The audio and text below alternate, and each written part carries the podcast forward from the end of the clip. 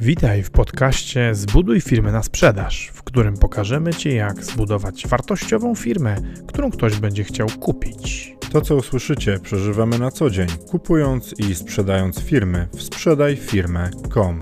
Zapraszamy, Paweł Korycki, Maciej Stępa.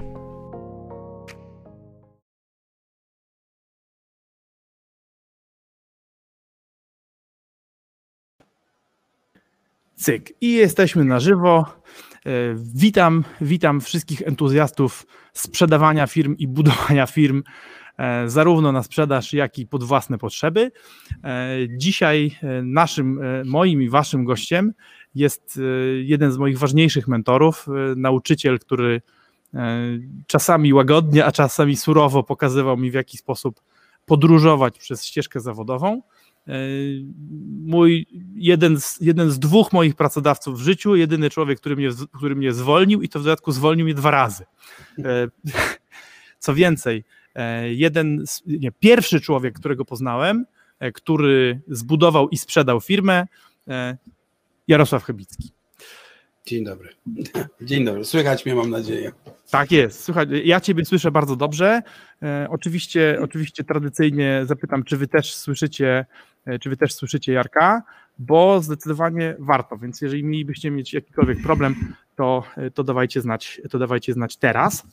E, Jarek e, prowadził, e, Jarek prowadził firmę, która zrobiła mnóstwo rzeczy przełomowych. Na przykład e, pe- pewnie większość, większość z Was e, kojarzy albo obiło się Wam o uszy takie hasło jak kompetencje, e, które przed działaniami Jarka i chyba moż- mogę powiedzieć jego wspólnika Grześka e, w Polsce kojarzyły się, w zasadzie były, były używane jako, jako synonim słowa prerogatywy.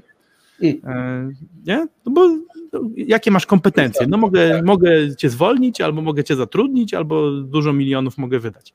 E, A panowie sprowadzili, sprowadzili do Polski e, taką technologię, e, taką technologię patrzenia w ogóle na, na stanowisko pracy, na człowieka przez pryzmat, przez pryzmat takiego ekstraktu wiedzy, umiejętności i podstaw i postaw życiowych. I wyobraźcie sobie, to oni są tymi, można powiedzieć, pionierami tego. Czy, czy, czy wyście to wynaleźli, czy wyście to znaleźli i sprowadzili? Znaczy i tak, i tak. To znaczy, myśmy się oczywiście mocno zainspirowali, jeżeli chodzi o same kompetencje, tak? Czy ten konstrukt, pojęcie, ideę. y, Mocno się zainspirowaliśmy szwedzkimi e, rozwiązaniami, które właściwie pie, jedną z pierwszych firm, która wprowadzała masowo taki koncept kompetencji, to był Ericsson szwedzki, wówczas jeszcze istniejący, potem chyba kupiony przez Sony. Przez jakiś moment był, była sama telefonia Ericsson. W ogóle zaczęło się od, od Teli, czyli od narodowego operatora Szwecji, w Szwecji zwłaszcza. Wow. Szwecja jest w ogóle pionierem oczywiście do tej pory w różnych takich działaniach e, HR-owych, e, jako, jak w ogóle kraje skandynawskie. No a i Szwedzi, szwedzki Telia najpierw eksperymentowała z pomysłem na rozwijanie kompetencji u siebie, to były lata 90. E, To się rozpowszechniło w, w Ericssonie. No i myśmy tam to podglądali i to modyfikowali na nasze, e, nasze potrzeby w skrócie. Wow. I zmodyfikowaliście i sprowadziliście to na grunt polski i tradycyjnie, e, bo jakby będę, konty, będę kontynuował przedstawianie mojego gościa, tradycyjnie Jarku, jak to zwykle z tobą, przewidziałeś to, co się będzie działo w szeroko rozumianej branży zarządzania ludźmi, e, jakieś z dziesięcioletnim wyprzedzeniem. No bo wyście sprowadzili kompetencje co, około roku 99 czy 2000? Jeszcze wcześniej? No, ósmy, dziewiąty, no tak, jakoś Czy jeszcze, tak. w, można powiedzieć, że jeszcze w 20, zajmowałeś się tym jeszcze w XX wieku, kiedy większość ludzi w Polsce w ogóle cały czas myślała, że kompetencje to są tylko i wyłącznie prerogatywy, Tak, tak, tak, tak, tak, tak. a już a, a, jakieś tam 8 czy 9 lat później w zasadzie wszyscy mówili o kompetencjach i dzisiaj tak naprawdę kompetencje to jest e, so- częściej nawet są rozumiane w ten sposób przez pryzmat tego narzędzia, które wyście sprowadzili niż przez ten stary. Już ma- mało, mało kto mówi o, o, o tym, co, co może kto w pracy jako o kompetencjach, a, a myśląc, mówiąc o kompetencjach, myślimy o tym właśnie, co kto umie, wie i jak działa. Wow. No, no pewnie tak, natomiast ja myślę, że wa- ważniejsza zmiana, jaką próbowaliśmy wprowadzić, która teraz jest oczywista, ale wówczas nie była, to taka, że kompetencje można rozwijać. Nie? Znaczy, przyjęło się e, myśleć, że jak ktoś potrafi negocjować albo tam, nie wiem, potrafi coś, no to, na to ma taki dar albo taką, no nie wiem co, no ma takie coś, tak, i, i, i już. E, I że to jest niewiele można tam zmienić, niewiele mhm. można rozwinąć. A myśmy trochę pokazali, że można to po pierwsze zmierzyć, że to ma różne poziomy, e, że to myślano tylko w ten sposób o języku, że można mówić coraz lepiej. Natomiast e, nie o innych takich walorach kompetencyjnych człowieka. To jest w ogóle aż, aż niesamowite, bo wiesz, bo to, to, to, to, to obrazuje w jaki sposób wpłynęliście na to, jak, jak się w ogóle teraz myśli o, o biznesie i o ludziach w biznesie, bo, mhm. bo, bo powiem ci, że jakby ja nawet świadomie z miejsca pracy już nie pamiętam takiej perspektywy, o której mówisz. Jakby, mhm. czyli, czyli, można powiedzieć, ja się biznesowo wychowałem w świecie, na który wyście wpłynęli. Trochę przynajmniej, tak. Oczywiście to było mnóstwo różnych procesów, e, które spowodowały, że zmieniła się troszkę perspektywa ludzi, e, ale no, mieliśmy tam jakiś mały udział w tym. Tak, i że można to zrobić, e, zrobić w jakiś taki sposób systemowy, zarządzać kompetencje. Zarządzać to znaczy mierzyć i rozwijać w skrócie i przypisywać kompetencje do zadań albo spraw, jakimiś ludzie zajmują. No to tak było, to rzeczywiście, no to było, nie wiem, tam 20 ponad lat temu, tak. 20 kilka, jakoś tak. Dawno w każdym razie. Dawno. Historia. No ale wiesz, no, no, można powiedzieć, że wiesz, no, żyjemy w rzeczywistości w dużej mierze ukształtowanej, ukształtowanej przez, e, przez was, czy przez, przez to, co zrobiliście. No Może i nie w mierze, w jakiejś mierze. Tak. Okej, okay. znaczy wiesz, no, w jakiejś mierze, bo, bo te, i teraz jakby ja chcę płynnie przejść do tego, jakby mhm. jaki komplement rynek e, tak powiem, dawał waszemu produktowi, bo, bo tym takim, o ile dobrze pamiętam, czy rozumiem, to takim sztandarowym produktem E, który wyrażał tą ideę, którą sprowadziliście, był pakiet kompetencji. Czyli taka potężna publikacja, w której były opisane, o ile dobrze pamiętam, były trzy grupy tych kompetencji po 50. Mhm. Chyba. Tak, nie pamiętam szczegółów, natomiast być może rynek to prawda, że z jednej strony zarabialiśmy na tym e, i te pieniądze. Traciono bezczelnie. Te, te, tak, to był też wyraz rynku, to znaczy jak gdzieś tam czytałem, już nie pamiętam kto to powiedział, jakiś profesor, załóżmy, tak, że wyrazem największego uznania jest wtedy, kiedy jego książki wydane w sposób piracki można było kupić na stadionie dziesięciolecia. No, no i że to był właśnie wyraz uznania, on na tym nie zarabiał, no bo to pirackie wszystko było, ale czy tam, no to myśmy też byli okradani, tak. Byliśmy okładani to na potęgę w ogóle. Ale ja pamiętam, wiesz co, bo ty, ty, ty, ty w ogóle masz bardzo nietypowe podejście do, do, rzeczywistości. Myślę, jakby, zresztą to jest, to jest taka rzecz, która spowodowała, że, e, że bardzo chciałem się od ciebie uczyć, bo e, to też jakby do twojej firmy przyprowadziła mnie inna też ważna dla mnie osoba, czyli Joanna, która mhm. też mnie zachwyciła róż, różnymi aspektami swojej osobowości, intelektu, natomiast jakby tam poznałem ciebie i zobaczyłem jakby jak ty inaczej patrzysz na różne rzeczy. I mhm. to, to, to, to, jest, to jest bardzo ciekawe, że myślę, że to, to jest w zasadzie taka mm, epitomia, epitomia relacji e, z mentorem, czyli to, że spotykasz kogoś, kto patrzy na świat zupełnie inaczej niż wszyscy dookoła. Mhm. No bo jeżeli, jeżeli, jeżeli chcesz się uczyć od kogoś, kto patrzy na świat tak samo jak ty, no to tam się trudno czegoś nauczyć, nie? bo skoro nie, robi tak samo, no to, no tak właśnie. Nie, można się nauczyć, że robić coś lepiej albo jakoś. To prawda, no, no, tak, ale rzeczywiście to, to jest bardzo ciekawe. Ja, ja w, wczoraj czy przedwczoraj jakoś tak miałem chwilę w samochodzie niestety, jadąc słuchałem waszego live'a z Pawłem i tam było coś o mentorach, tak? E, trochę próbując zrozumieć, na czym te live'y polegają, dlatego, dlatego tego słuchałem.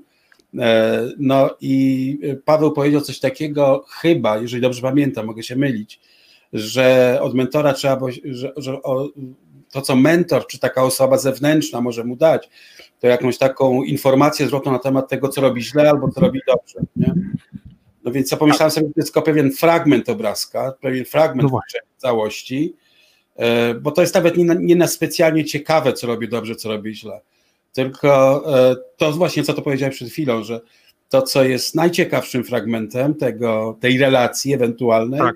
to jak ktoś coś robi kompletnie inaczej, w tych, gdzie moje kompetencje są ani dobre, ani złe, no po prostu inne, tak? Czyli to, to jest ciekawszy fragment mentoringu niż takie poprawianie własnego, własnej efektywności, e, ale raczej kompletnie inne rozumienie, widzenie, widzenie czegoś innego, większego, więcej ilości rzeczy, czyli to słowo inaczej tutaj, e, nie, że robię coś dobrze albo mhm. źle, tylko mam może kompletnie inaczej to zrób, albo coś kompletnie innego zobacz w tej sytuacji, to to jest ciekawszy moim zdaniem fragment takiej relacji.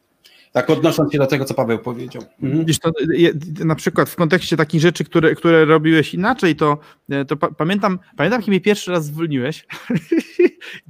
to, to, to, było takie coś, czego ja się spodziewałem, no bo mhm. śmiem myśleć o sobie, że jestem raczej niegłupim człowiekiem, no i obserwowałem rzeczywistość, Mhm. Moja bezpośrednia przełożona gdzieś znikła zawodowo, uwikłana w jakieś projekty, na mnie pamiętam, chyba trzy miesiące nie było w pracy, a ja mhm. przychodziłem do komputerka i siedziałem przy, komputer, przy tym komputerku, no, mhm. czyli wyrabiałem do po godziny, no ale no, ty prowadziłeś firmę doradczą na kilkadziesiąt osób, no i niekoniecznie był ci potrzebny podnóżek, z którego nic, nic nie wynikało. I pamiętam, jak mnie zaprosiłeś do swojego gabinetu i powiedziałeś, e, Maciej, właściwie nic nie robisz, możecie zwolnić. A potem tak złego dnia powiedzieć, no to nie jest twoja wina, no bo no po prostu nie, nie, nie, mieliśmy dla ciebie pracy, nie? A i tak muszę, muszę cię zwolnić. No, i to, ale wiesz, zrobił inaczej jakoś. No. O, to, to, to no, za drugim razem o tym też opowiem, za drugim razem zupełnie inaczej, zupełnie inaczej się żegnaliśmy, ale mm. pamiętam też, że y, y, odrobinkę cię zaskoczyła moja reakcja wtedy, E, wiesz, no ja to pamiętam bardzo, bo, bo, bo, byłem zwolniony w życiu tylko dwa razy i dwa razy przez ciebie. E, ty, ty zapewne, ty zapewne ale, ale wiesz, właśnie ważne jest to, że ty, ty, chyba się spodziewałeś tego, że ja tam będę, nie wiem, albo stawiał opór, albo że coś mm. będę rezonował, nie? Rozumiem ciebie, nie? Rozumiem cię, Jarku, bo ja tu przecież nic nie robię, nie? więc zupełnie rozumiem twoją perspektywę. I wtedy żeśmy sobie bardzo sympatycznie pogadali. Mm i, i, się pożegnaliśmy. A jeszcze pamiętam, że wróciłem i wszystkim pracownikom gdyńskiego, Sopockiego biura przyniosłem Mercy. Ale, okay. oprócz, ale oprócz Grzegorza. Okej, okej, okej, okej. Ja nie wiem, jakoś Grzegorz, Grzegorz się nie załapał. Wspólnik Jarka. Bardzo w ogóle ciekawy temat, e, no być może na zupełnie innego live'a, pewnie nie ze mną, chociaż mam bogate doświadczenia niestety w tym obszarze, na temat zwalniania, tak bym powiedział, tak? Eee, na temat zwalniania. O, ktoś tutaj coś napisał. Pan Jarosław, pan, pan, y, Damian Sandurski pisze, pan Jarosław to musi być wspaniały człowiek, że były pracownik po dwukrotnym zwolnieniu e, zaprasza do swojej audycji. No tak, myślę, że myślę, że to, to... Być może ja bym to odwrócił, być może wspaniałym człowiekiem jest Maciej, e, który potrafi na przykład wybaczać albo coś, tak, e, a nie ja.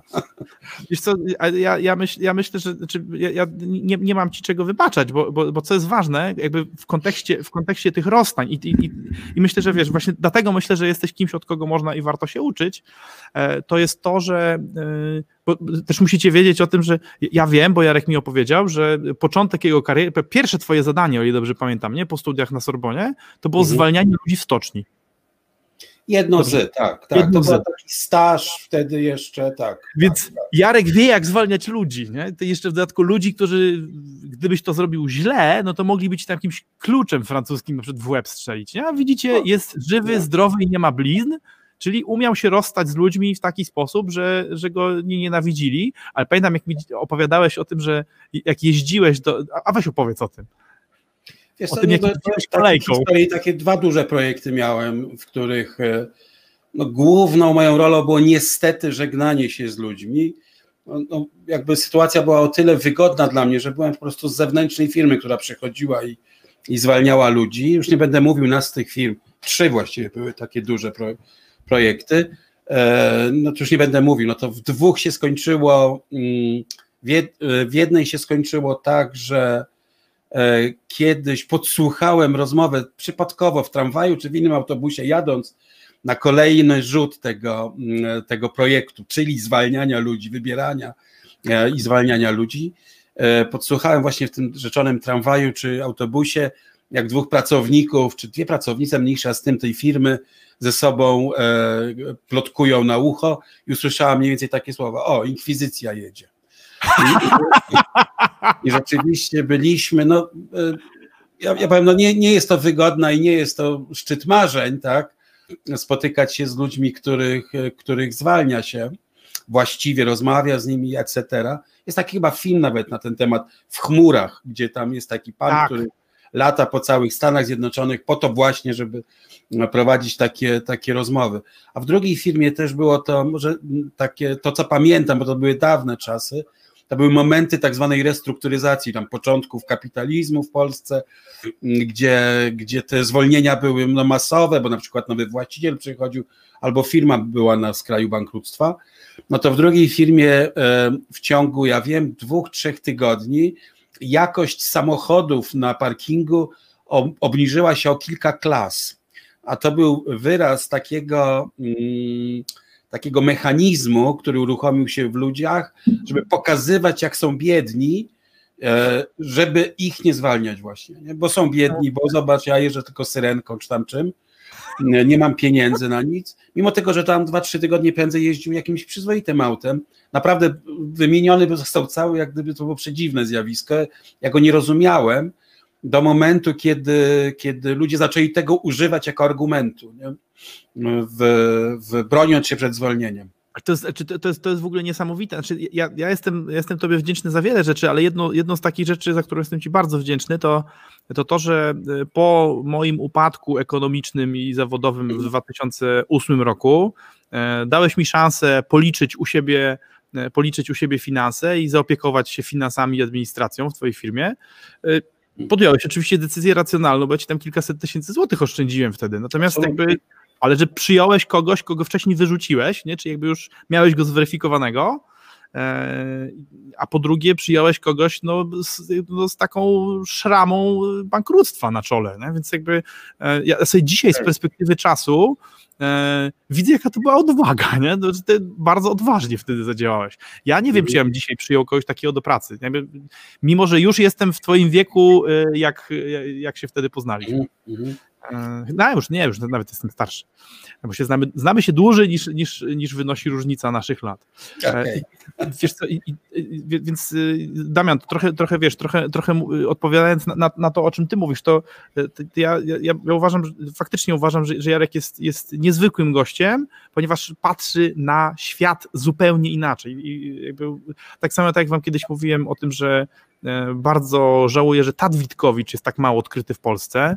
Jeżeli, e, facet, który gdyby, gdyby mieszkał w Polsce, to byłby na, na szczycie listy Forbesa, Mhm. Ale że mieszka w Stanach, to prawie nikt w ogóle o nim nie wie. On jest w ogóle chętny, by opowiadał, ale no, jakby ludzie nie wiedzą, jak do niego trafić. No to podobnie jest, podobnie jest z tobą. Nie? Jakby jest, jest, jest pełno takich pseudocelebrytów, jakichś takich tych coachów, którzy pieprzą głupoty straszne i nie wnoszą wartości w życie, e, mhm. a uważam, że ich klienci, gdyby trafili do ciebie, to wyszli, wyszliby, na, wyszliby na tym zupełnie, zupełnie inaczej i, i o wiele, wiele lepiej. E, Jarek na przykład pokazał mi, pokazał mi to, że, y, że oszczędzanie pieniędzy nie zawsze ma sens.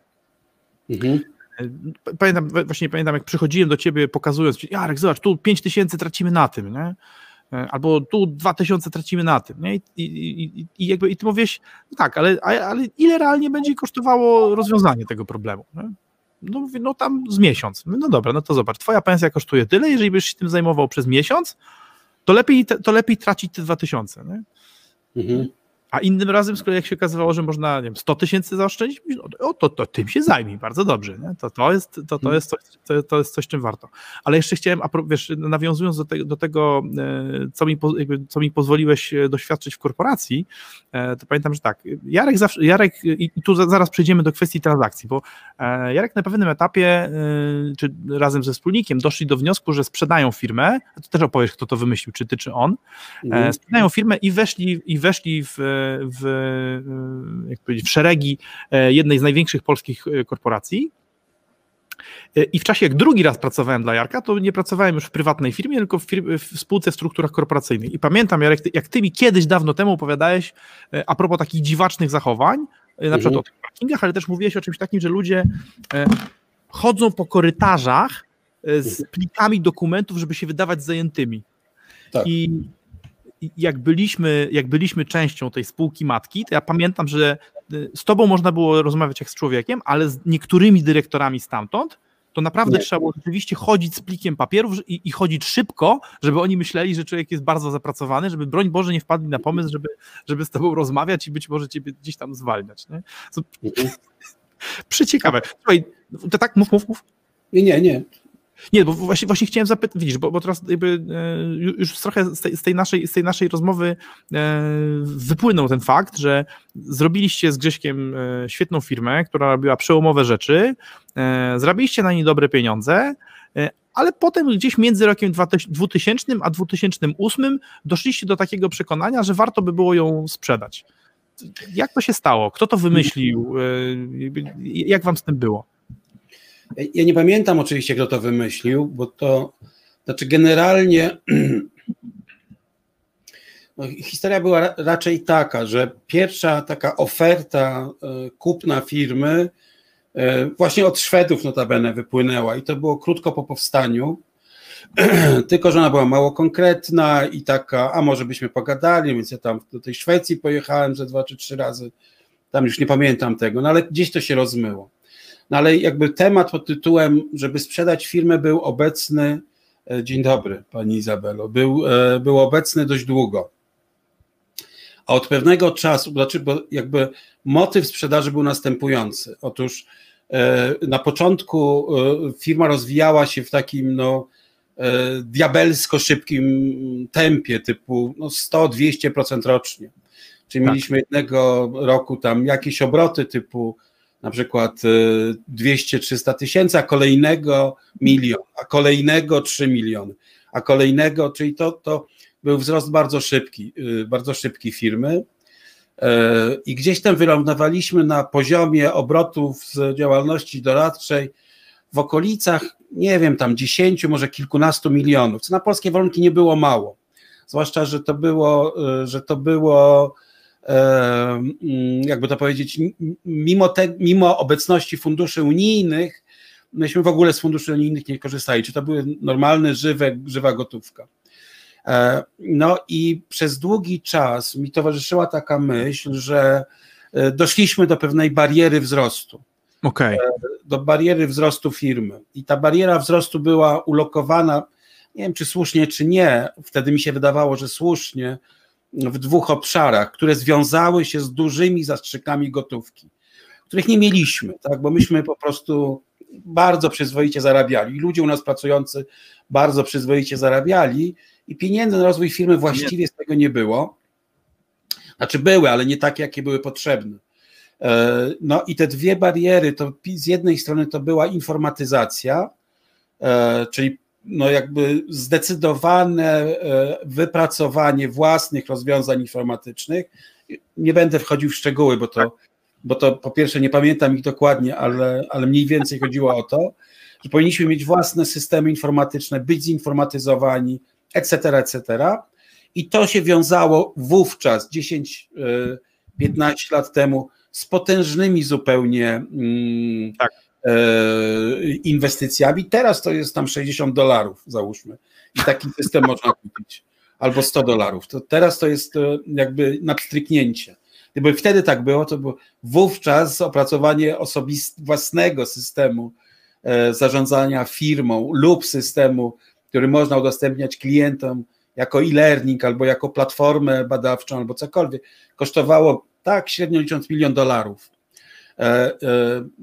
Taka, taki był koszt opracowania. 3 miliony złotych, nie? To jest, to, to, jest, to jest w ogóle niesamowite, ale to jest, to jest też jedna z takich rzeczy, na, na które ty mi właśnie zawsze zwracałeś uwagę, nie? Na, na, na dewaluację informatyki. Że coś, to jest, tak, tak, miliony, teraz, tak. Potem kosztuje setki tysięcy, a za chwilę po prostu jest do kupienia jako gotowa licencja za. za Nawet są za darmo, na przykład Moodle jest, jest za, za free, tak. tak, a jest system. Ale wtedy, ale wtedy nie było takiej opcji. Wtedy trzeba nie, było wydać. A wyście aż tyle pieniędzy nie mieli, mimo że mieli bardzo pieniędzy. W ogóle to było poza zasięgiem, żeby z własnych funduszy wyłożyć 3 miliony w sposób skoordynowany na, na tego typu rzecz. I to była bariera. Jednocześnie jakoś miałem takie silne przekonanie, nie wiem czy prawdziwe, czy nie, E, że bez tego nie, nie będziemy się rozwijali. Że ten rozwój organiczny to będzie 10-15% rocznie, co i tak było przyzwoitą jakby wynikiem, natomiast to było za mało. No ja chciałem więcej, tak? Chciałem utrzymać tempo wzrostu 50-70% rok do roku i bez solidnego wsparcia informatycznego to było niemożliwe. W związku z tym, no generalnie rozwój firmy, wtedy tak myślałem, teraz mam inne zdania na ten temat, E, e, rozwój firmy mm, bez wspomagania, bez funduszy zewnętrznych, wówczas wydawał mi się niemożliwy. E, no i stąd, no i stąd były poszukiwania inwestora i mieliśmy, ja takich rozmów odbyłem, inwestora, właściwie tak naprawdę inwestora. Tak. Ja takich rozmów odbyłem tam, nie wiem, dziesiątki, z czego dwie były dość zaawansowane, z jakąś firmą francuską, z jakąś firmą polską, ale obydwa, warunki y, tego przejęcia, sprzedaży firmy, no były dla mnie no z tego punktu widzenia rozwoju firmy nie do zaakceptowania, znaczy trudne. No można byłoby je zaakceptować, ale trzeba byłoby się pogodzić, że firma popłynie w zupełnie innym kierunku. Y, I można było to zrobić, tylko no ja wówczas byłem jakoś nadmiernie chyba przywiązany do tej wizji.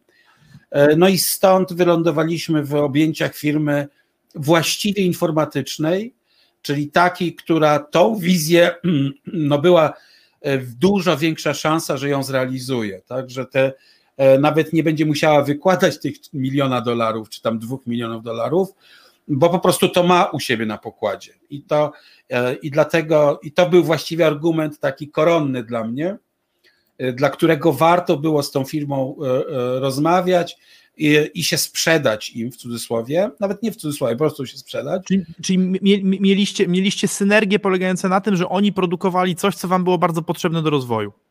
Tak, co oczywiście się okazało w życiu, że było trochę inaczej.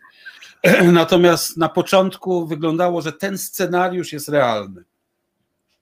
On się okazał realny po dłuższym czasie, natomiast e, tak, to, to, to był jeden z głównych. I drugi argument, ponieważ wówczas e, to był tam 2007 chyba, 8 rok, nie pamiętam. Na polskim rynku pojawiło się coś takiego jak fundusze unijne na te działania szkoleniowo-doradcze i myśmy nie potrafili w ogóle pracować z takim klientem, jakim byli urzędnicy w urzędach, bo to oni byli klientem de facto, to oni decydowali, czy ktoś dostaje pieniądze, etc myśmy potrafili pracować z, z tak zwanymi normalnymi klientami, którzy mówią, ma wyniknąć z tego taki, taki efekt, do, dowieście mi ten efekt. I to potrafiliśmy zrobić. Natomiast dla urzędnika to się musiało zgadzać w papierach i myśmy nie potrafili w ogóle e, takiej zgodności w papierach osiągać kompletnie. E, I byliśmy kompletnymi e, abnegatami w tym obszarze.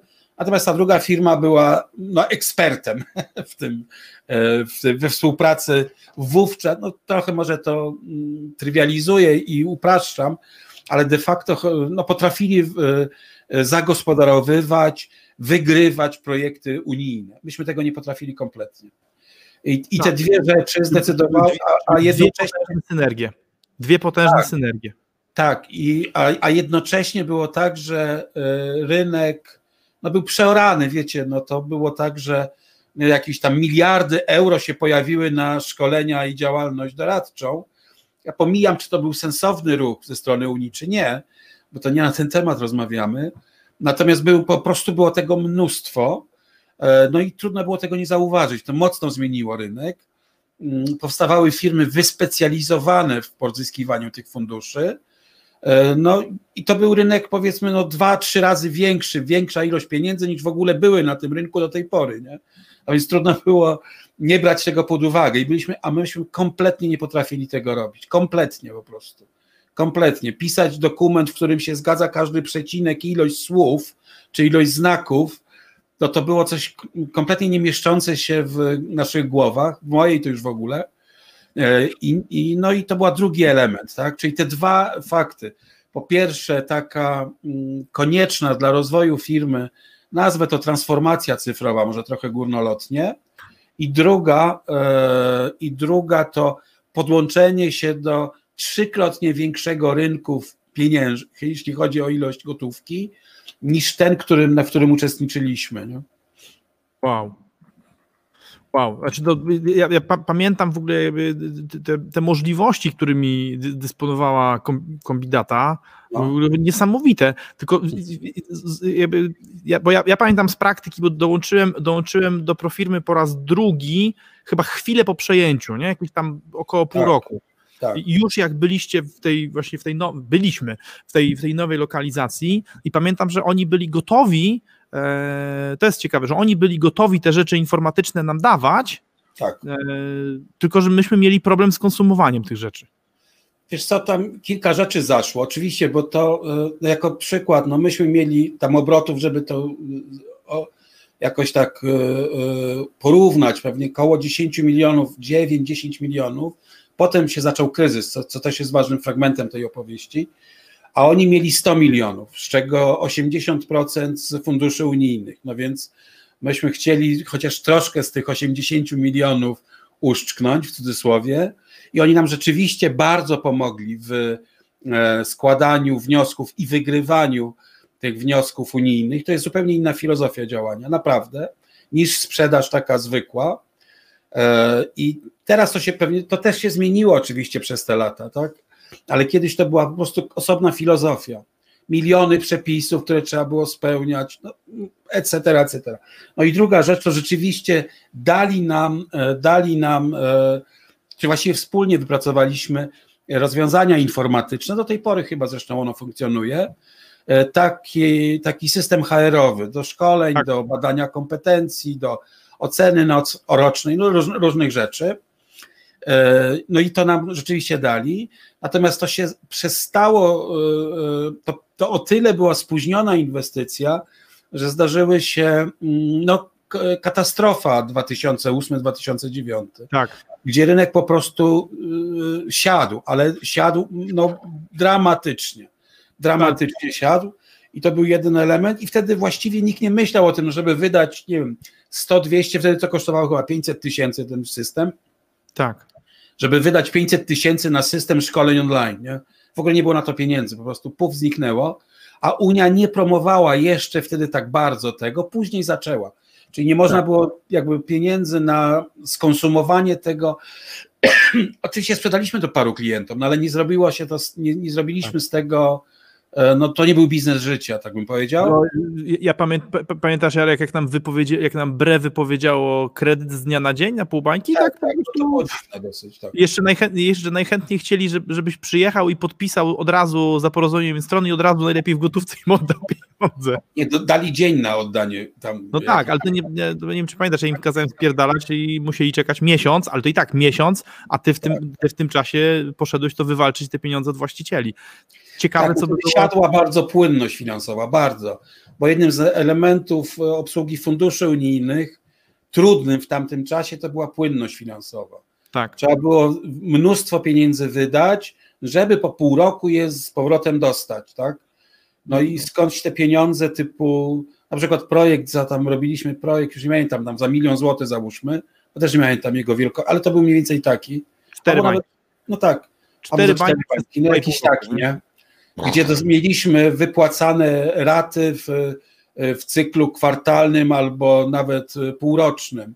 A największe, Jarek, największe spóźnienie trwało rok i trzy miesiące. No właśnie, teraz jak żyć, na prawie milion złotych w ten sposób. Jak tutaj zachować e, jakby e, płynność finansową w tym? No trzeba było się ratować kredytem, czyli czasami debetem na koncie, no a wtedy jak się debet pojawiał na koncie i trwał 2-3 miesiące, to banki wypowiadały umowę, nie? I to tak się zdarzyło z BRE, nie? Tak. No tak, rzeczywiście tak to było. No, no, no, ktoś musiał finansować działania Unii, tak? E, no i normalnie to finansowały firmy, potem dostawały za to pieniądze, zwrot i tak jak trzeba, no tylko, że płynność po prostu była dramatyczna. No i, e, ale jeszcze jak się na to nałoży kryzys, że nie myśmy nie mieli z czego finansować tych braków płynności, no to no to pokazuje skalę trudności tego wszystkiego. Nie? No, by, była, to, była to ewidentnie, był to ewidentnie balet, wiadomo na jakiej części to ciała. Prawda, to prawda. To prawda. I największy problem z tą fuzją to był dwa jakiego rodzaju. Z tym przejęciem firmy czy fuzją. To były dwa rodzaje problemów. Ja nie, e, jeden jest, mam nadzieję, nie będzie nauką dla, dla nikogo, bo mianowicie był taki, że jak się robi fuzję w czasach radykalnych zmian na rynku, takich jak kryzys, to to niedobrze wróży, tak bym powiedział, tak, że to, że właściwie któryś z podmiotów zniknie, to nie ma, nie ma innej opcji. Jak, jest, jak są bardzo silne zmiany na rynku, no to jedyne, jedyne, jedyne rozwiązanie po fuzji, po przejęciu firmy, no jest radykalne obcięcie kosztów, jak jest, jak jest kryzys. Nie? Mam nadzieję, że taki kryzys jak w 2008-2009 roku się nie powtórzy. A to było ciekawe zresztą, bo ja pamiętam do dzisiaj, że byłem wtedy w Stanach, ponieważ działałem też w takiej branży, nazwijmy to Assessment Development Center. Pojechałem tam na jakąś konferencję, spotkałem się z różnymi ludźmi i pamiętam, że spałem w hotelu, e, e, wstałem, otwieram, włączam telewizor i na te, w telewizorze pierwszy news tego dnia to był upadek Braver Lemans, tego, tego i to właśnie był taki świeży, tam dziennikarze przed siedzibą, etc. I pomyślałem, a co mnie jakiś Braver Lemans obchodzi, nie? Trzy miesiące później, właściwie nawet jak już wracałem do Polski, czyli tydzień później, no okazało się, że obchodzi. A więc to ładnie powiedział. Pierwszy problem z przejęciami jest taki, że jak, jak się dokonuje tego przejęcia w momencie, kiedy siły zewnętrzne mocno się zmieniają i wpływają, to to jest właściwie mm, poza kontrolą. Żaden scenariusz nie ma szansy się. Znaczy, naj, warto planować najczarniejsze scenariusze, w sensie przewidywać najczarniejsze scenariusze, typu zwolnienia, typu, no Bóg wie co, tak? I to jest e, no, to zwolnienia, spadki obrotów, wypowiedzenia umów przez banki, że takie rzeczy mogą się dziać. Nie? Jak się dzieje poważny kryzys przy przejmowaniu? Gdybyśmy nie byli przejęci przez tą firmę, to byśmy sobie poradzili. Po prostu ludzie by zaczęli zarabiać znacząco mniej. I no już. No to, to bylibyśmy odporni na to. W ogóle to, to by nas dotknęło, ale nie tak dramatycznie jak e, w tamtym, w tym scenariuszu po przejęciu. Po prostu za, zaczęlibyśmy, nie wiem, jeść ziemniaki na obiad, w cudzysłowie, tak? Albo zmienilibyśmy gwałtownie profil działalności, albo coś. By, czyli mniejsza firma byłaby dużo bardziej elastyczna niż wchodząc w duże struktury, gdzie tam już jest pewna inercja, etc., etc. I ten scenariusz takiej elastyczności nie ma specjalnie szans na zaistnienie. To jest no. moja pierwsza taka nauka, że jak już sprzedawać firmę, to raczej w dobrych czasach, nieważne w jakiej kondycji jest firma, ale w, żeby, żeby w, w dobrych czasach, to znaczy takich, że mniej więcej wiadomo, jak ten rynek będzie wyglądał za rok w czasie kryzysu to było kompletnie nie, nie, nie wiadomo było. Były te dwie zmiany duże, czyli większy strumień unijnych pieniędzy, który de, dewastował rynek i drugi to był kryzys. Nie? I w tym momencie, no właściwie e, po przejęciu firm traci się jej elastyczność. Po prostu tak jest. Nie? Przynajmniej w moim wypadku tak było. W sensie, jeżeli przejmujecie duża firma, tak? No to, to jeżeli to ona, przejmujecie duża firma, no a usztywnia zasady. mniejsza cię nie przejmie, nie? E, tak. No, chociaż może tak być. To prawda. Chociaż może tak się zdarzyć. Rzeczywiście, że to może być mniejsza firma. Zdaje się, że Big Bank kupił Bank Gdański i był mniejszy. No, no wiesz, jakby no to ta korporacja, w której myśmy się znaleźli już razem, no to, przecież e, Aseco przejęło Procom, będąc od niego mniejsze ze sześć razy. No właśnie, więc, więc, to jest, więc to jest możliwe, tak? No ale jeżeli. Ale, ale, ale jednak bardzo rzadkie. Tak, ale raczej rzadkie, tak? To nie jest raczej modus. To, to nie jest... Gdybyś, gdybyś, mógł dokończyć ten drugi wniosek, a potem, a potem odpowiedzieć na pytanie od Izy Słomczewskiej. Bo, Dobrze, ale drugi wniosek jest taki. Drugi wniosek, dokładnie. Drugi wniosek jest następujący. Właściwie nawet nie wiem, jak go powiedzieć. To są osobiste moje kompetencje, czy kompetencje lidera. Tak to w skrócie można powiedzieć, że jeżeli sprzedaje się firmę, zwłaszcza firmie większej, to trzeba się liczyć z tym, że jednym z, jedną z barier będziesz sam ty.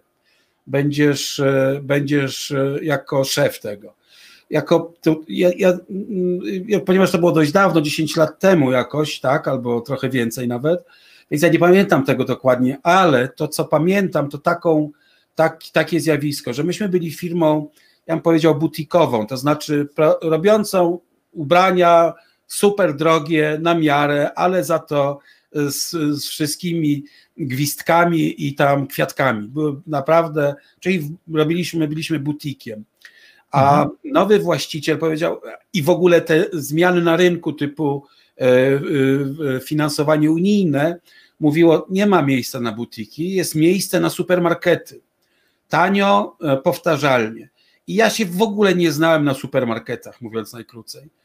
E, I to był, i to był kłopot. To, to był mój kłopot, czyli moje osobiste kompetencje, jak z firmy butikowej przejść, jak, jak byłem dyrektorem, no, być może nawet ekskluzywnego, fajnego, e, pionierskiego, innowacyjnego butiku.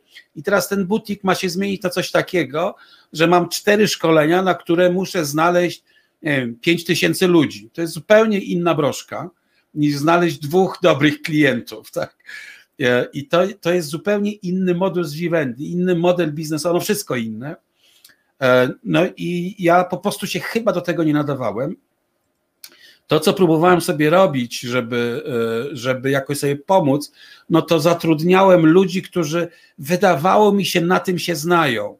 Na przykład potrafią odpowiedzieć, jak dać pięciu tysiącom ludzi w, w pomorskim szkolenie z zarządzania. Znaleźć tych pięć tysięcy osób, namówić na to, żeby przyszły na te szkolenia, żeby zapłaciły 50 zł, bo to jakiś tam wkład własny musiał być, rozliczyć papiery i tak dalej. E, więc to, no to jest zupełnie inny rodzaj kompetencji. No w moim przypadku to, był, to było przejście od takiej, no powiem, butikowej firmy do supermarketu, ale zwykle to jest przejście z jakiejś firmy do jakiejś innej, E, przy przejmowaniu, że firma po prostu zacznie inaczej funkcjonować e, i już, i może się okazać, w tym wypadku się trochę tak okazało, że ty jako szef jesteś jedną z większych barier jej rozwoju, po prostu. I tak było chyba w moim, w moim przypadku. Moja nauczka z tego jest taka, że uważaj na marzenia, bo one się niestety spełniają. Oh yes. Tak bym powiedział. Moim marzeniem było y, pracowanie w dużej korporacyjnej firmy, stworzenie dużej korporacyjnej firmy i mi się to udało. I kiedy to się udało, to się okazało, że ja się do tego nie nadaję kompletnie. Yes. No tak, ale to, to powiem ci, to, to, to, wiesz, że mam, mam bardzo podobną obserwację, bo ja z, kolei, ja z kolei kiedyś marzyłem, żeby być menedżerem w korporacyjnej firmie i jakby dostałem to, co chciałem, e, pracując, pracując dla ciebie, a zwłaszcza pracując potem e, trochę jeszcze dla, dla, dla, dla, tego twojego kontaktu, nazwijmy, tego oficera kontaktowego po stronie firmy matki, no to tam było bardzo korporacyjne, nie? Z no tak. wrzeszczeniem, terrorem jakimś tam e, i, i, i to, co ciekawe, takim naprzemiennym traktowaniem, głaskaniem i biciem, nie? Raz pogłaszczę, raz przypierdoli, raz pogłaszczę, raz przypierdoli i jeszcze ważne jest to, że, że e, musi być ten rytm niezrozumiały dla ciebie. To, się... to, to, to, już nie będę wchodził w szczegóły, bo nie, ale ja tam miałem dość dobrą pozycję oczywiście, tam A. nikt nie głaskał, ani nikt nie, nie, nie niszczył. Natomiast ja, ja, mówię, jak ja to przeżywałem, no bo ty, bo ty, byłeś, ty byłeś dla nich partnerem, byłeś wspólnikiem tak. firmy, cały czas, co ważne, sprzedałeś, no właśnie, bo to o, o, tym też bym chciał chwilę. A ja byłem y, twoim żołnierzem, więc jakby no tam, ja, ja byłem traktowany ewidentnie według zasady y, raz przypierdolić, raz pogłaskać, ale tak, żeby się nie domyślił dlaczego, no bo jak się domyślasz dlaczego, czyli rozumiesz wzór, no to rozgryzłeś tego swojego no Wiesz, to, to zgodnie z arabską zasadą, że czemu trzeba niewolnikowi przypieprzyć dwa razy dziennie, jak ty nie wiesz za co, to już niewolnik wie za co. Nie? No, no, no. Na pewno wie, na pewno wie co nabroił. No właśnie, bo widzisz, bo, bo, ty, bo ty byłeś, o widzisz, Damian pisze, czekaj, bo tu wywołałeś teraz o, dużo komentarzy. E, właściciel jest największą przeszkodą dla swojej firmy. E, w pewnych Damian... momentach, nie zawsze. W pewnych tak. momentach. Znaczy, moim zdaniem, wtedy, kiedy z firmy takiej, która jest oparta na innowacyjności, zdobywaniu rynku, e, ekspansji, czyli takiej, której była do momentu sprzedaży, do firmy, która ma budować rynek i e, zajmować się raczej administracją niż czymś innym. To są inne kompetencje do rozwoju firmy, inne kompetencje, inny, inny styl zarządzania do administrowania firmą i tyle. To w tym wypadku jest, jest kłopotem. Paweł pisze, i jak ten jaś stanąłem w oknie i spytałem sam siebie, gdzie ja kurde popełniłem? Tego nie wiem, no. Nie słychać cię, Maciej. A, przepraszam, nie wiem jak to się stało, ale kliknąłem mute. E, yy, o Jezu, urwał mnie. A, że, że, że pamiętam, pamię, pamiętam ten twój gabinet taki narożny, w tym, w tym wówczas chyba to był najwyższy w ogóle, wież, najwyższy biurowiec w Gdyni, największy i z widokiem, z widokiem na te tereny przemysłowe portu i stoczni to tam rzeczywiście mógłbyś, mógłbyś sobie, mógłbyś się oprzeć o szybę i rzeczywiście te deliberacje Jasia prowadzić. Ja jeszcze może taką jedną, wiesz, dodam do tego, bo to tak może negatywnie zabrzmiało, że właściciel może być największym problemem firmy. I jest taka stara maksyma konsultingowa, która tajna, tak to nazwę, ale zdradzę wam trochę kuchni. E, kiedy firma poddaje się procesowi doradczemu, tylko wtedy, kiedy temu procesowi doradczemu może poddać się jej zarząd a, zarząd się podda tylko wtedy, jeżeli uzna, że popełnia, że jest coś w nim samym e, do naprawy, że może coś robić inaczej niż lub lepiej.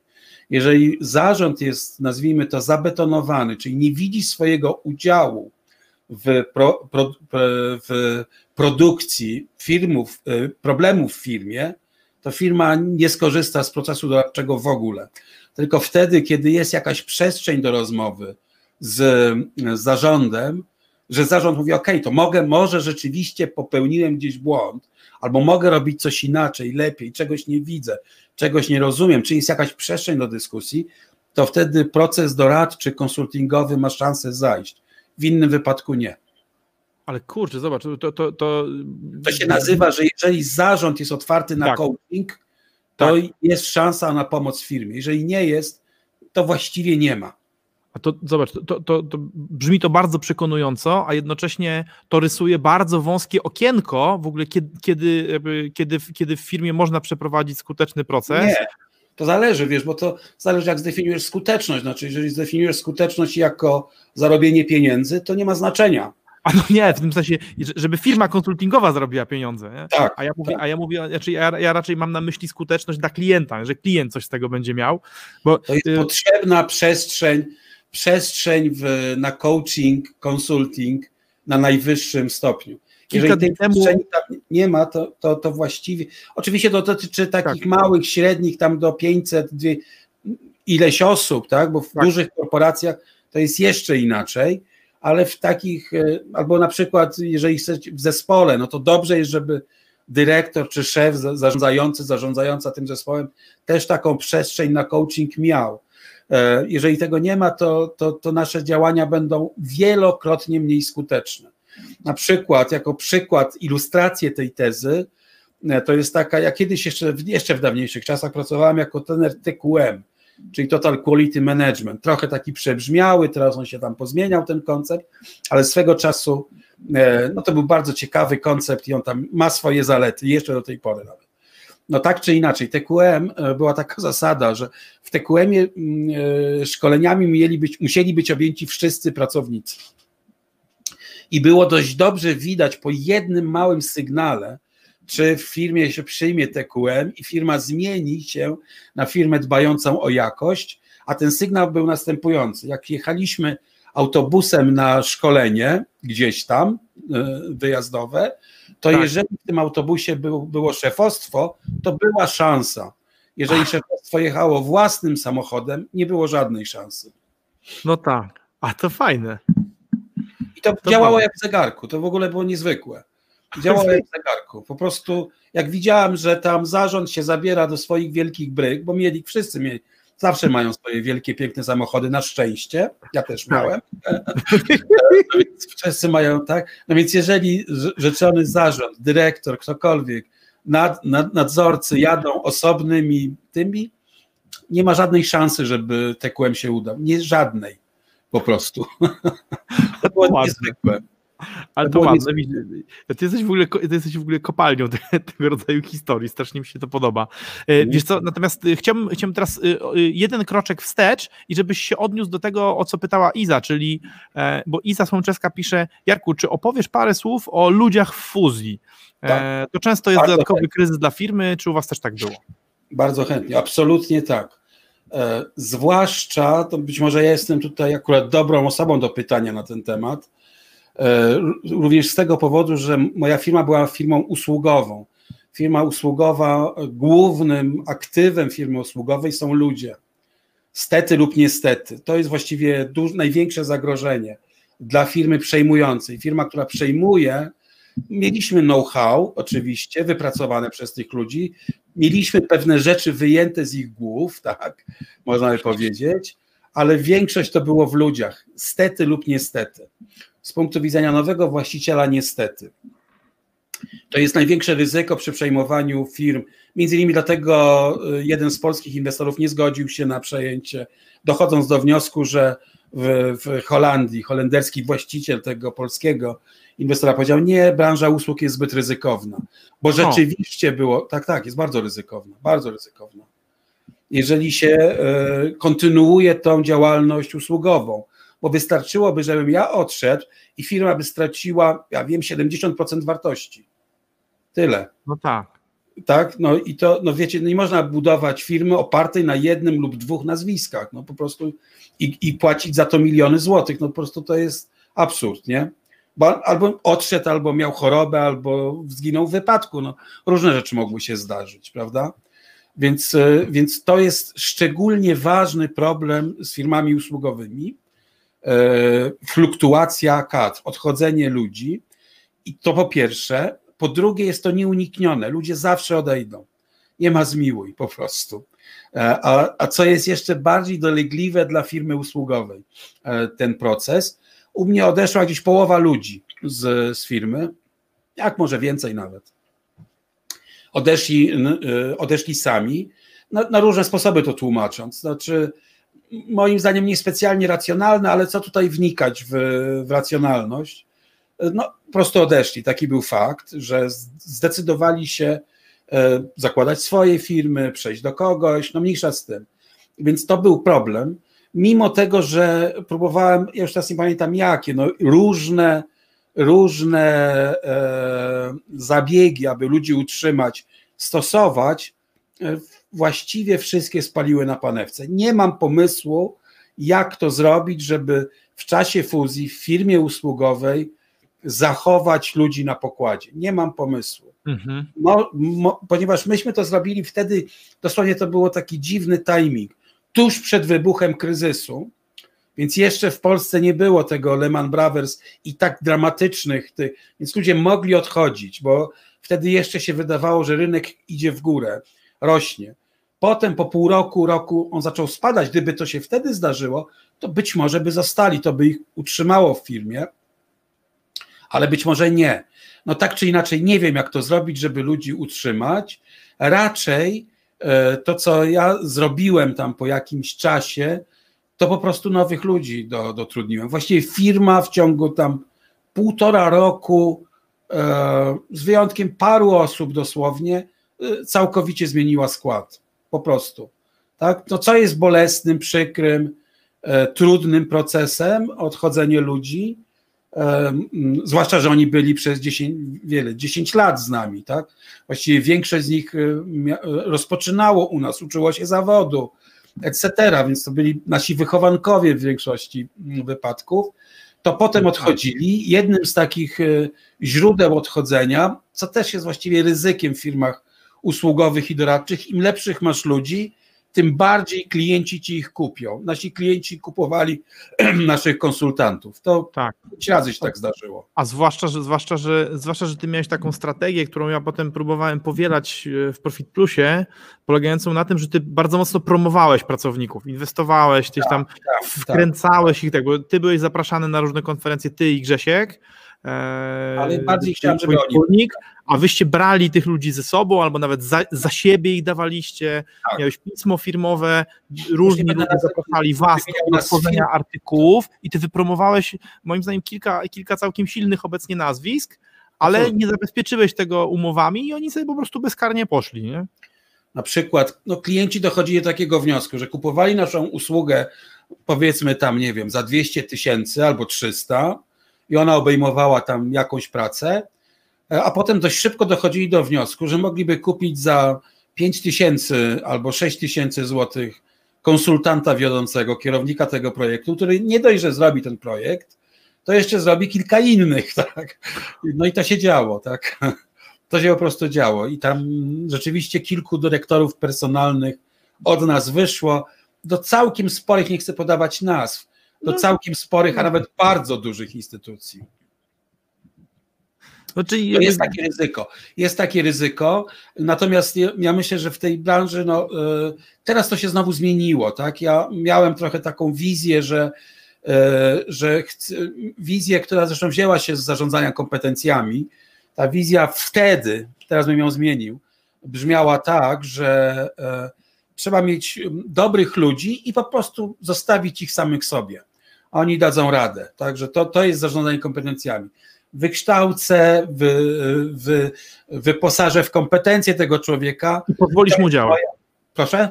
I pozwolisz mu działać.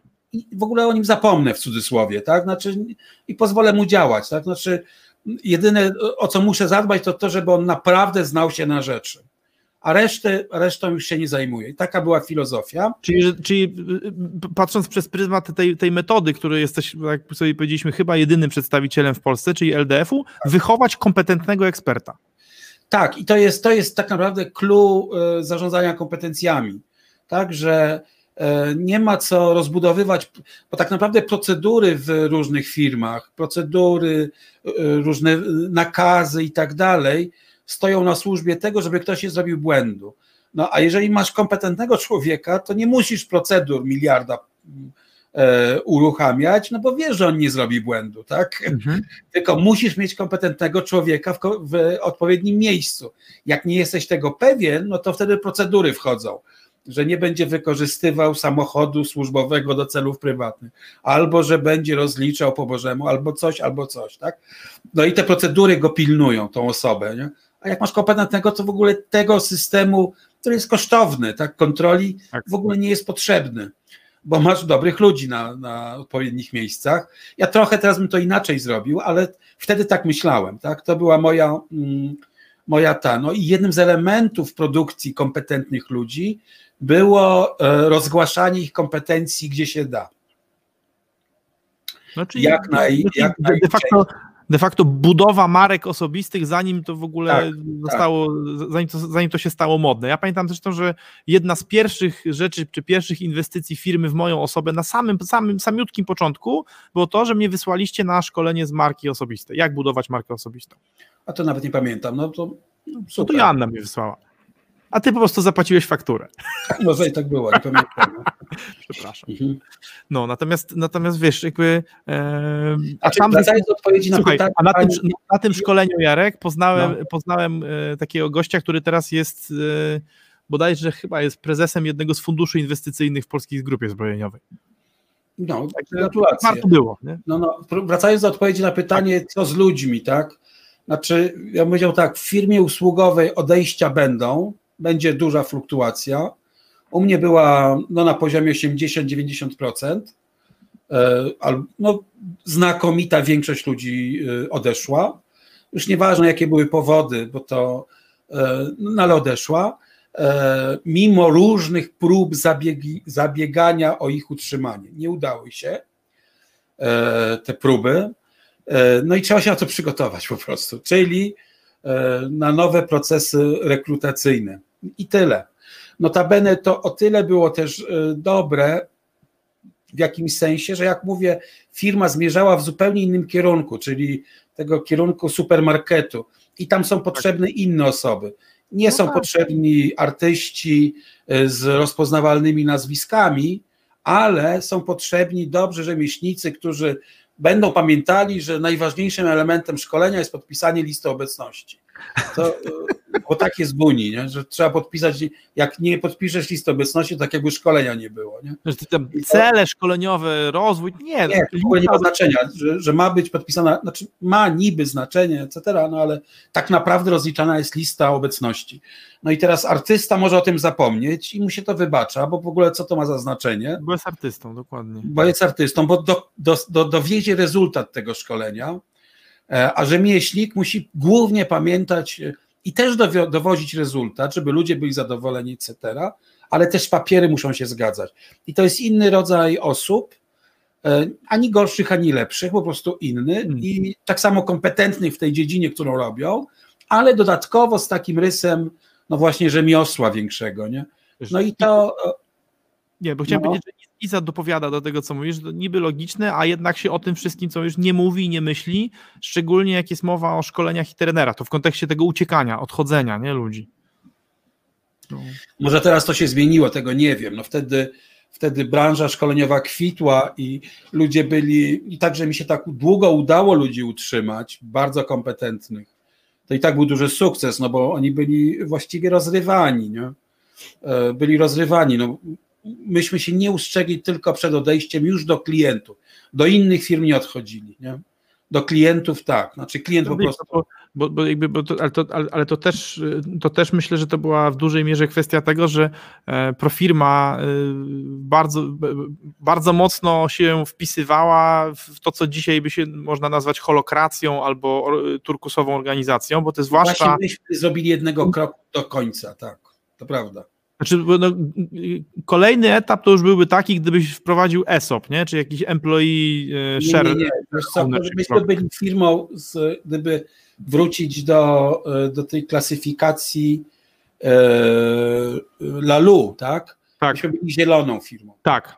czyli byśmy byli tuż przed Turkusem e, i można było zrobić jeszcze jeden krok, e, a Turkus daje szansę na rozwój, nie tak dram- dynamiczny, jaki ja miałem w głowie, natomiast daje szansę na rozwój, tylko żeby się to stało firmą turkusową, to ja musiałbym kompletnie abdykować. Ja abdykowałem z roli prezesa tylko częściowo. Y, Za, za bardzo byłem prezesem tak zwanym e, i tego kroczku jeszcze jednego do turkusu nie zrobiliśmy, nawet nie kroczku, może kroku albo skoku nie zrobiliśmy. Byliśmy zieloni niestety, a, byliśmy przejęci przez y.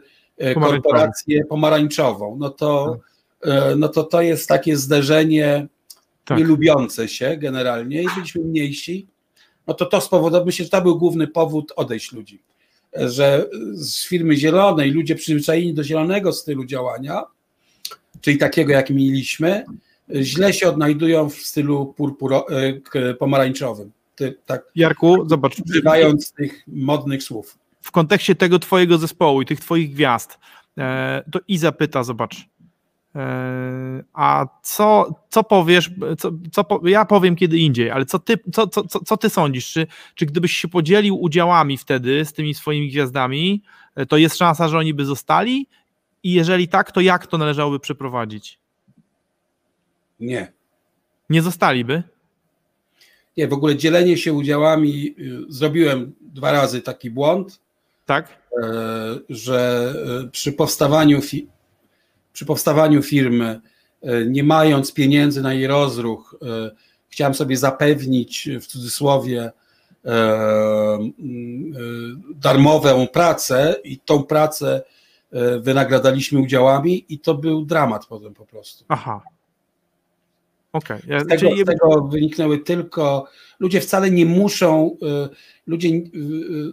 Dla ludzi, znaczy ja nie wiem, jak jest teraz, tak? Ale, e, ale pytam o twoją perspektywę, bo jakby bo, bo, bo, jest tak, następująca, dokładnie. że ludzie to, co chcą mieć, to chcą mieć przyzwoity zarobek i y, wpływ na to, ile zarabiają.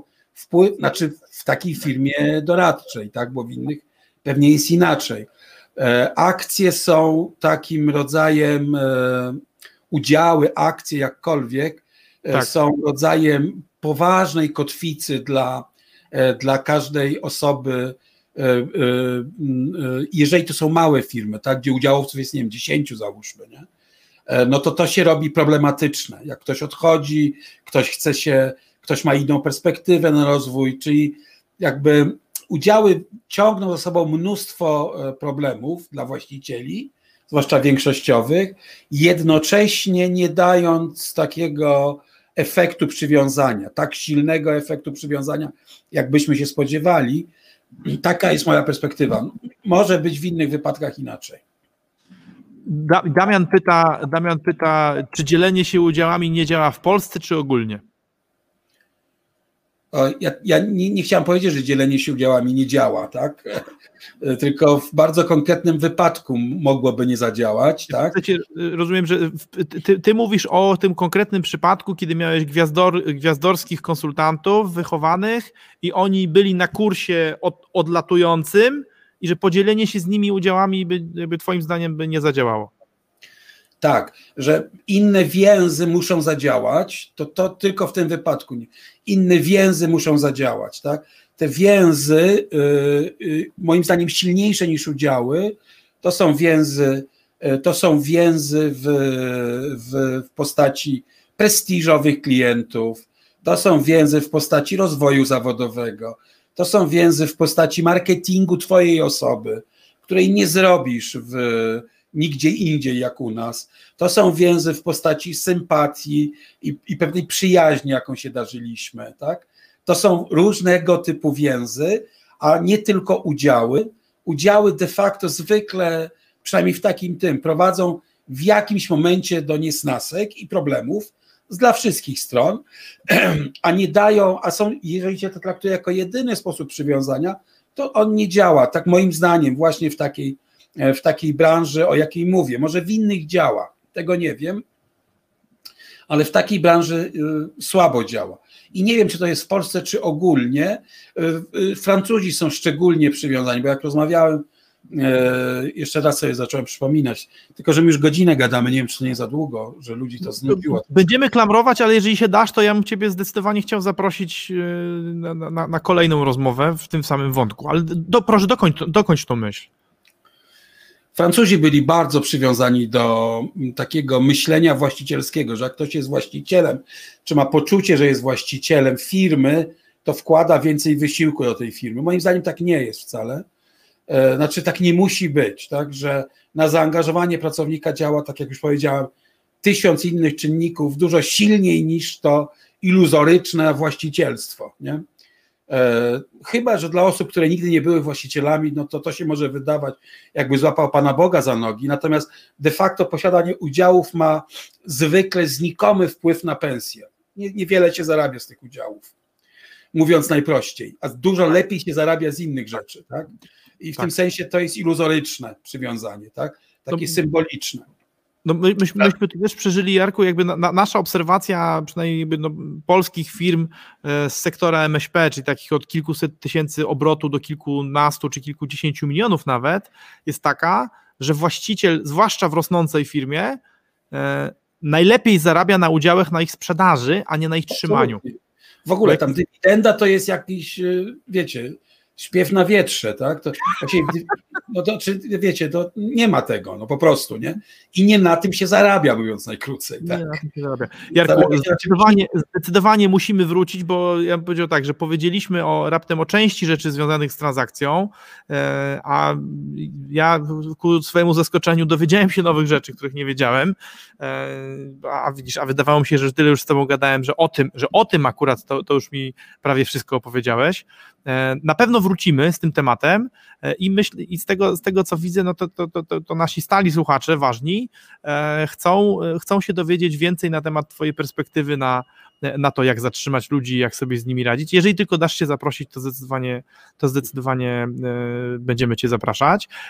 A ja jeszcze jedną rzecz chciałem nakreślić w tej, można powiedzieć, w tej przerwie w rozmowie z Jarkiem. E, mianowicie e, to, co napisał Paweł.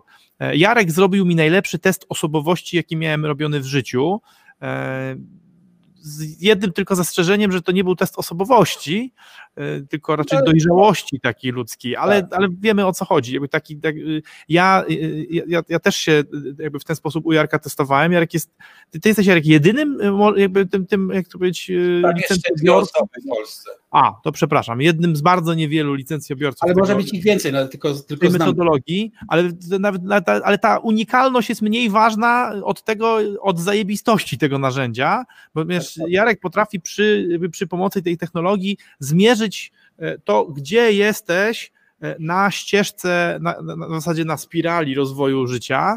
E, I zresztą, no właśnie, no, jed, jedną, z rzeczy, jedną z rzeczy, która wynika z tego, z tego, co Jarek mierzy, to jest to, czy patrzysz na swoje życie przez pryzmat tego punktu, ci się wydaje, że wszystko jest takie same, czy odcinka, czy trójwymiarowej spirali, czy być może w ogóle jeszcze jakiegoś innego procesu.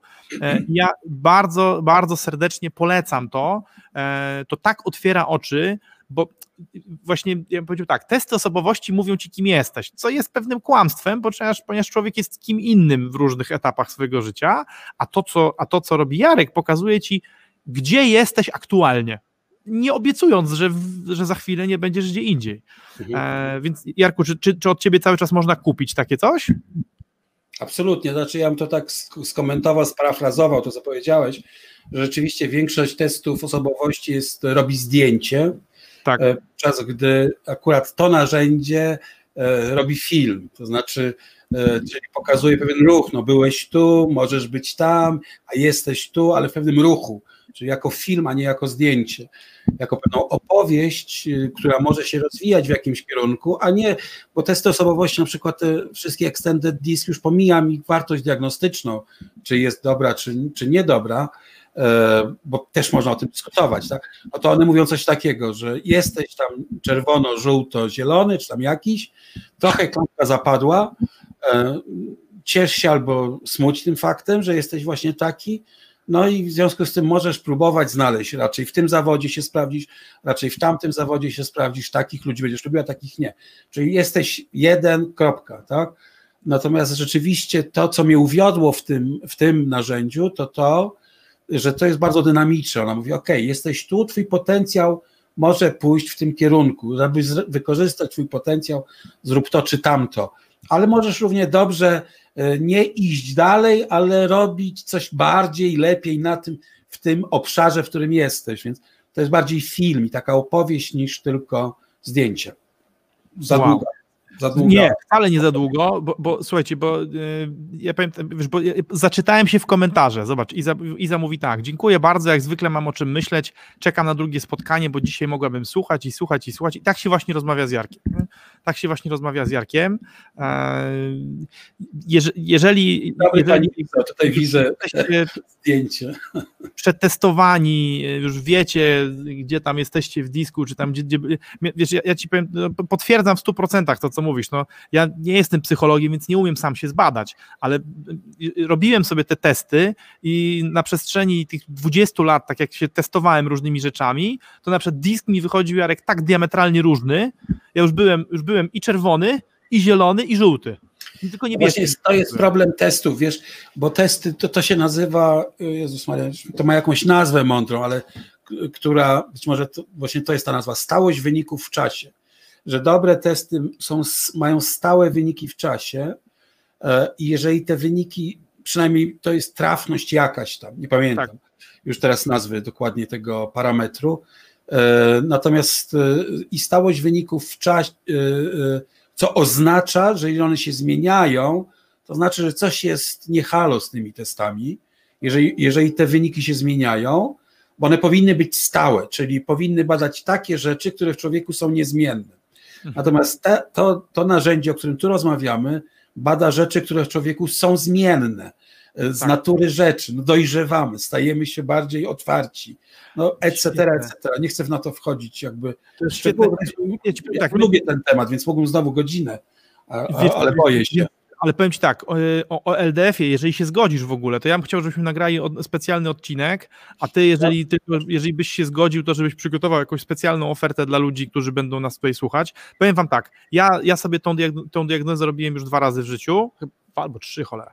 E, I uważam, że to, to, to są najlepiej wydane pieniądze na autodiagnozę w ogóle ever. Po prostu.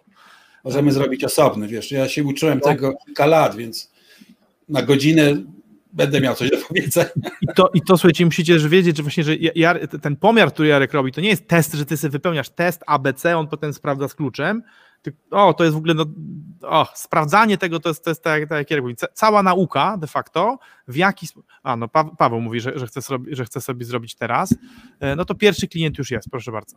E, więc pamiętajcie o tym, a, i, i, że, że można, a dowiecie się o tym więcej, jak to działa przy kolejnym odcinku. Więc w zasadzie tak, zapraszam Was na, na dwa kolejne co najmniej odcinki z Jarkiem, czy jeden e, o tym, jak, jak, jak sprzedałeś firmę i jak, jak, jak się odnajdowałeś, jak zatrzymać ludzi, czyli te różne dywagacje, te kapitałowe, i drugi o tym, o tym badaniu tej dojrzałości ludzkiej. Gdyby jednak ktoś był głodny tego, żeby już teraz sobie e, już teraz sobie te, to, to, badanie dojrzałości te, czy tego rozwoju zrobić, to powinien wejść na jaką stronę, Jarku?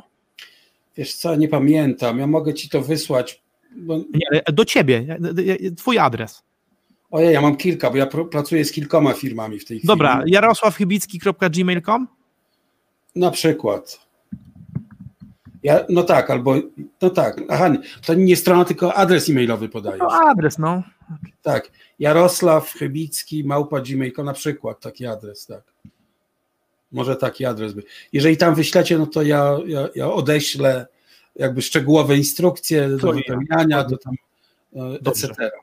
Dobrze, więc jeżeli, jeżeli, ktoś, jest, jeżeli ktoś, ktoś będzie głodny tego wcześniej, to, to zapraszamy do Jarka, a za jakiś czas myślę, że niedługi pogadamy sobie o, o, o, tych pozostałych tematach, które zapowiedzieliśmy, czyli o tym, jak to dalej jeszcze było w tej korporacji, e, jak Jarek się, jakby, co byś zrobił inaczej jeszcze, bo, bo dużo powiedziałeś rzeczy, jakby tych, tych wniosków e, i, i oczywiście i oczywiście zapraszam Was do, do dalszego czerpania z mądrości mojego mentora, któremu po raz kolejny jeszcze raz chcę podziękować, ponieważ nie byłbym tym człowiekiem, którym jestem, e, gdyby nie Ty. Dziękuję. To ja dziękuję za zaproszenie. Mam nadzieję, dziękuję. że było choć troszkę ciekawe. Było, dla mnie było super. Dziękuję bardzo. Cześć. Do zobaczenia.